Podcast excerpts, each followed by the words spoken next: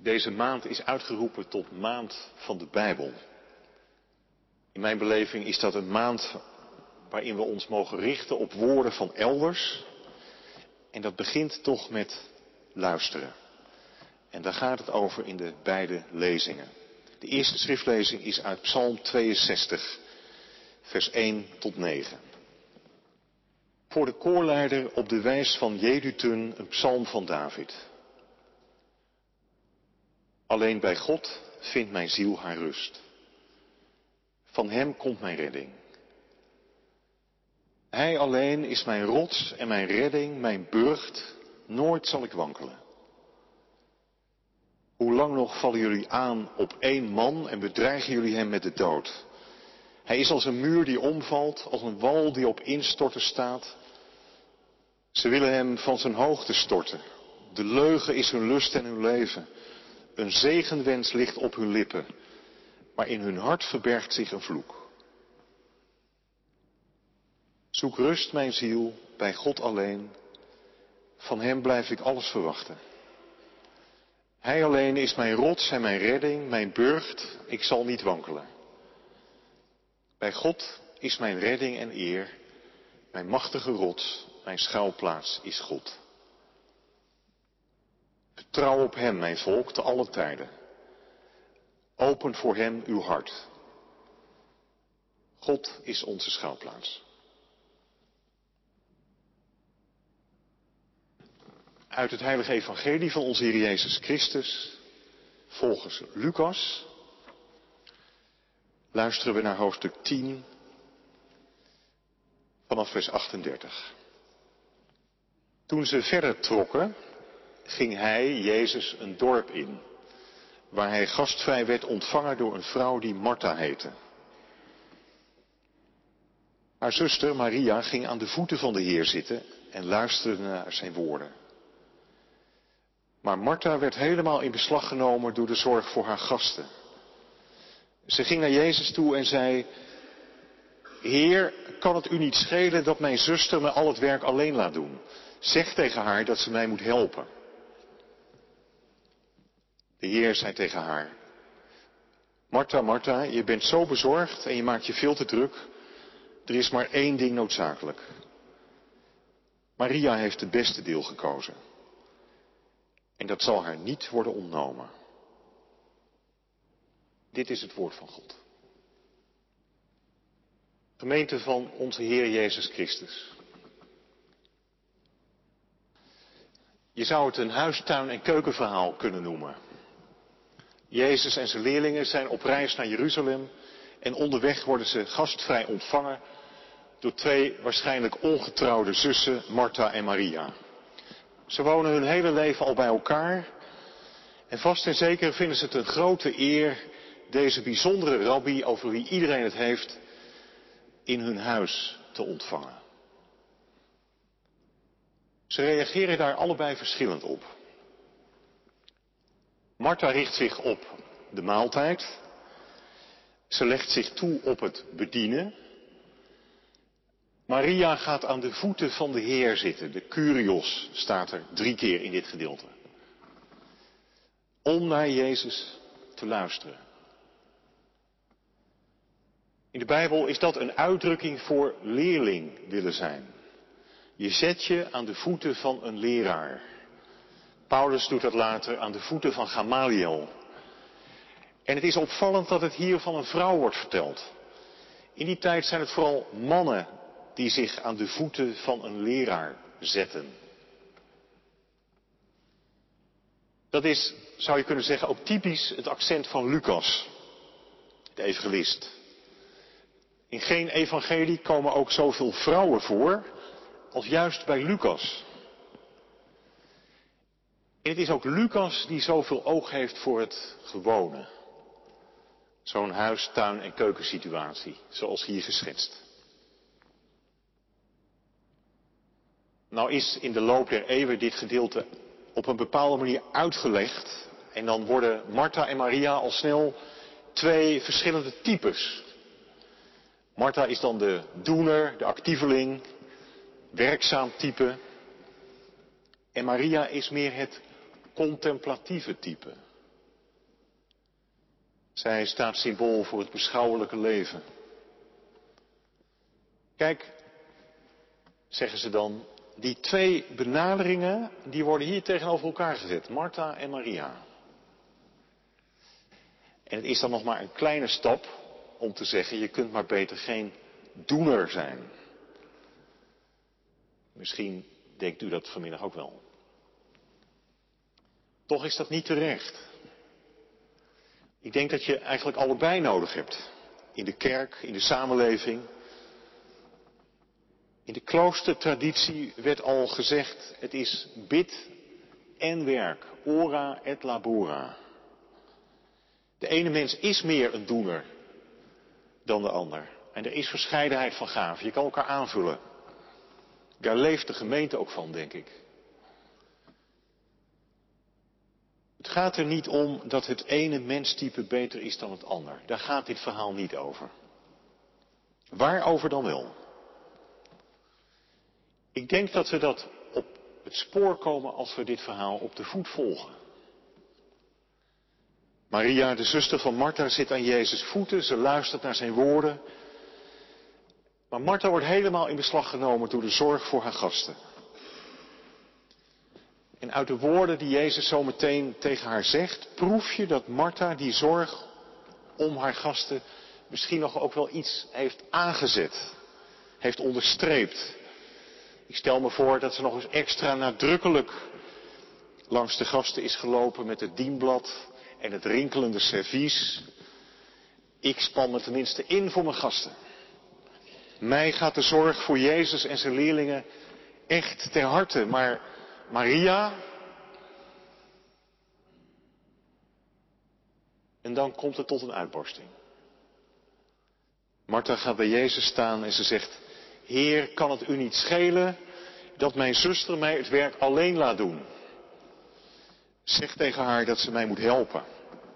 Letterlijk staat er, die zuster van mij. Het klinkt nog een tikje onvriendelijker. Het valt me op hè, dat Martha niet naar Maria toestapt, maar ze stapt naar Jezus toe. Hij moet haar tot de orde roepen. En nog iets, de naam van haar zuster, die komt niet eens over haar lippen, die zuster van mij. Zo gaat het vaak in conflicten. Als je kwaad bent. Of herken je dat niet? Die ander heeft dan ineens geen naam meer. En je gaat over die ander praten en niet meer met die ander. Terwijl Maria er gewoon bij zit. Ze wordt tot een object gemaakt. En zoiets gebeurt echt niet alleen bij knallende ruzies, maar ook in verhoudingen die heel langzaam verstoord zijn geraakt en verziekt. Situaties op je werk, met collega's of in je familie. Ik spreek niet meer met haar, maar over haar. Dat gebeurt soms in relaties, in huwelijken. Dat er geen echte communicatie meer is. Dat je de ander tot een object maakt. Hoe zou Maria zich gevoeld hebben? Ik vroeg me af, zou die houding ook aan het geloof voorbij gaan? Ik dacht, je kan ook daar het wel heel vaak over God hebben, maar niet met God spreken. Dat we zeggen wat God allemaal moet doen, of had moeten doen. En soms gaat het ook om diepe vragen kunnen hartverscheurende vragen zijn, waar je mee worstelt. Maar ben je ook wel eens naar hem toegegaan? Om met hem te spreken, om je nood te klagen, om tegen hem te schreeuwen uit de diepte, met hem te worstelen.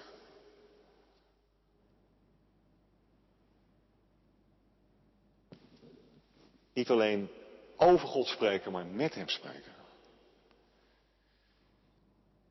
Dan klinkt het woord van Jezus. Martha, Martha, je bent zo bezorgd en je maakt je druk over veel dingen. Er is maar één ding nodig. Martha, Martha.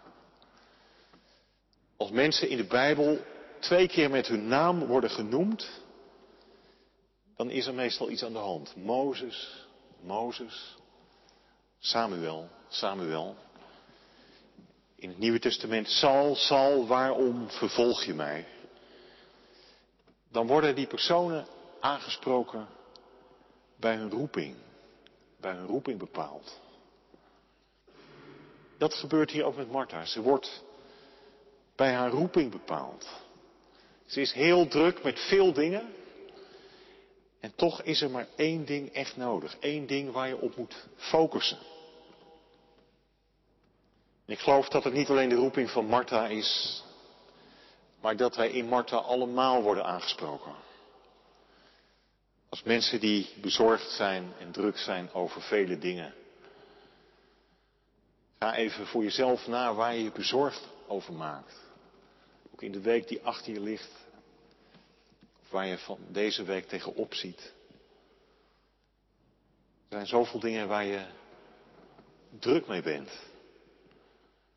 Zoveel dingen die ons leven van buitenaf kleur geven. Of aanzien verlenen. Zoveel uitdagingen en kansen en prikkels en keuzes en noem maar op. Kijk, ik weet wel, het is op zichzelf goed mogelijk dat je met al die verschillende dingen bezighoudt. En dat je toch je hoofd bij één ding hebt. Iets waar je heel blij over bent of juist iets waar je je grote zorgen over maakt. Maar eerlijk gezegd, in de praktijk verliezen we onszelf toch vaak in het vele. We worden geleefd, zeggen we dan. Mijn leven wordt erdoor verdeeld. Het valt uit elkaar in allerlei stukjes. Zou ons woord verveling daar misschien mee te maken hebben? Jezus brengt Maria terug tot de eenvoud. Wat is dat ene ding tegenover die vele dingen? Is dat geloof? Is dat gehoorzaamheid? Zou je allemaal kunnen zeggen, maar in de taal van dit verhaal kan je het ook nog anders zeggen. Het ene is dat er een mens zo wijs is om zich aan de voeten van Jezus te zetten en te luisteren. Dat is het ene wat nodig is. Dat is het antwoord voor Martha. En ik denk dat dat ook het antwoord is voor mij, voor ons. Ook het antwoord aan al die mensen die er vandaag de dag geen vrede mee hebben dat er zoveel dingen zijn die beslag op je leven leggen. Dat je van het een in het ander terechtkomt. Dat zien we in onze samenleving ook gebeuren, dat er steeds meer mensen zijn die zeggen, dat is toch eigenlijk niet normaal. Al die haast, al die hectiek, al die sociale media. Is er ook nog iets anders? Mensen die verlangen naar een bewust leven, aandachtig leven, dat je balans vindt, dan gaat het om de binnenkant van je bestaan. De laatste tijd duikt ook het woord ziel weer op in onze samenleving. Als mens heb je een ziel. Let erop dat je die ziel niet verliest. Dat je op een dag ontdekt dat je van binnen hol geworden bent. Een speelbal van gebeurtenissen. Een blad waarmee de wind speelt. Alleen de vraag is wel of je je ziel redt met bewust, met mindful leven alleen. Zoals het in de Linda stond. Sta je toe om tot jezelf te komen, want daar zitten al je antwoorden in een spirituele reis naar je binnenste ik? Dat is de vraag. Liggen daar de antwoorden in mijn eigen ervaringen en gevoelens. Het verhaal van vanmiddag, dat is ook de pretentie van het evangelie, denk ik, wijst een andere weg. Ik word niet aangespoord om te raden te gaan bij mijzelf, in mijn diepste ik. Maar ik word uitgenodigd om te zitten aan de voeten van Jezus en te luisteren. Stil te zijn voor Hem. En dat is in de Bijbel een sleutelwoord. Luisteren. Horen. Daar begint het mee. Hoor Israël, de Heer is onze God, de Heer is één. Luisteren. Horen. Daar worden we steeds weer toe geroepen. Ik vroeg me eigenlijk af waarom zou dat zijn, dat we er steeds weer toe geroepen worden. Ik denk omdat we het zo slecht kunnen. En waarom kan ik het zo slecht? Omdat luisteren veronderstelt dat een ander iets weet wat ik niet weet. Luisteren veronderstelt dat een ander iets weet wat ik niet weet. In onze dagen lijkt die ander er niet meer te zijn. Daarom spreek ik over hem en niet meer met haar. Daarom is communicatie op internet vooral eenrichtingsverkeer. En worden we alleen maar bevestigd in de standpunten die we al hadden. Net als debatten in de Tweede Kamer trouwens vaak eenrichtingverkeer zijn. En soms heb je dat ook met vergaderingen in de kerk. Die ander, die is er niet meer. En ook die ander met een hoofdletter lijkt er niet meer te zijn. In onze cultuur lijkt die wel helemaal verdwenen. Er is geen andere wereld meer van waaruit wij worden toegesproken. Het tegenover van God zijn we kwijtgeraakt. En wat dan overblijft is een gesloten wereld.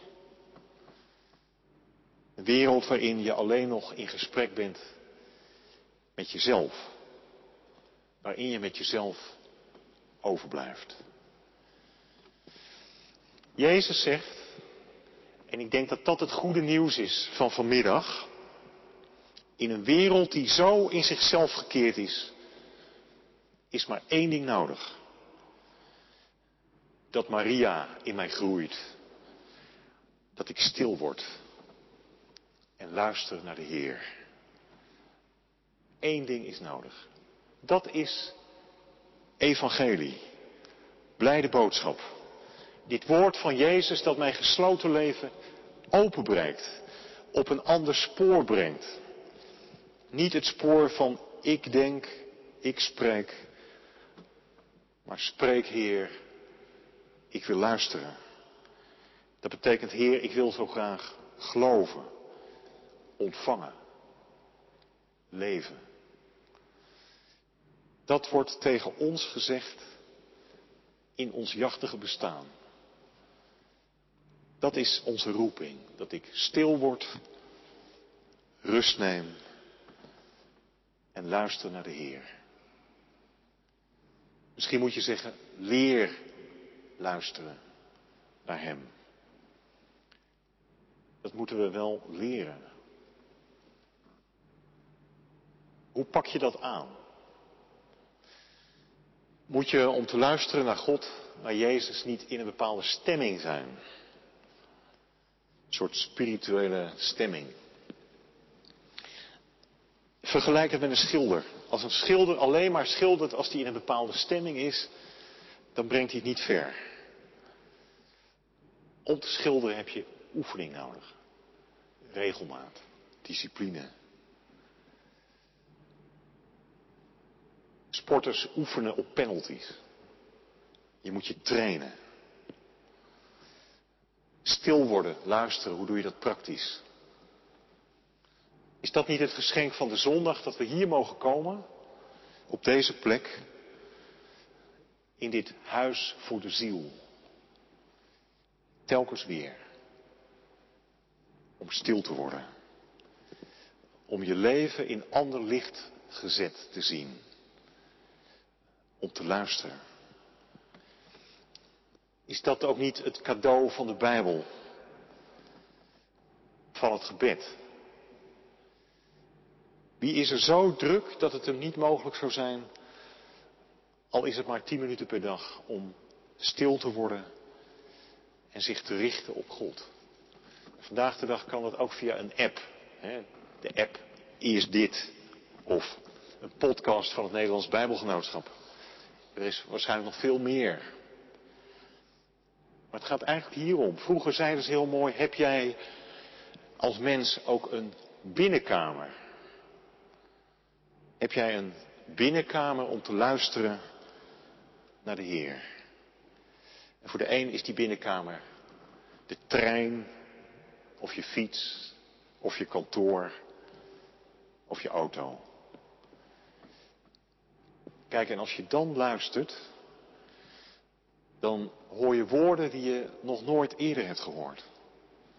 Woorden die je leven openbreken en die je verwachting geven. Het wonderlijke bericht dat ik het niet zelf hoef te maken in het leven. Maar dat ik leven mag van wat me gegeven wordt. In Jezus Christus. Het bericht dat mij niet wordt toegerekend wat ik verkeerd heb gedaan. Maar dat ik aanvaard ben. En dat ik nooit meer eenzaam zal zijn. Soms denk je dat je alles al weet. Ook van het evangelie. Maar zo is het niet. Het evangelie is anders, altijd weer. Zo anders dat als je zou kunnen luisteren, het je leven zou veranderen. Soms denk je, gebeurde er maar eens wat in mijn leven. En maar als je nooit eens stil wordt, kan er dan wel iets nieuws komen? Of blijf ik dan altijd maar ronddraaien in mijn eigen vragen, in mijn eigen gelijk? Blijf ik gebukt gaan onder de vele dingen die op mijn ziel drukken? Wie echt stil wordt en leert luisteren, wie het waagt om leerling te worden van Jezus, die, die zal het wonder van de ontferming ervaren. Dan wordt er iets nieuws tegen je gezegd. Iets nieuws aan je gedaan. Wat Psalm 62 zegt. Alleen bij God vindt mijn ziel haar rust. Van Hem komt mijn redding.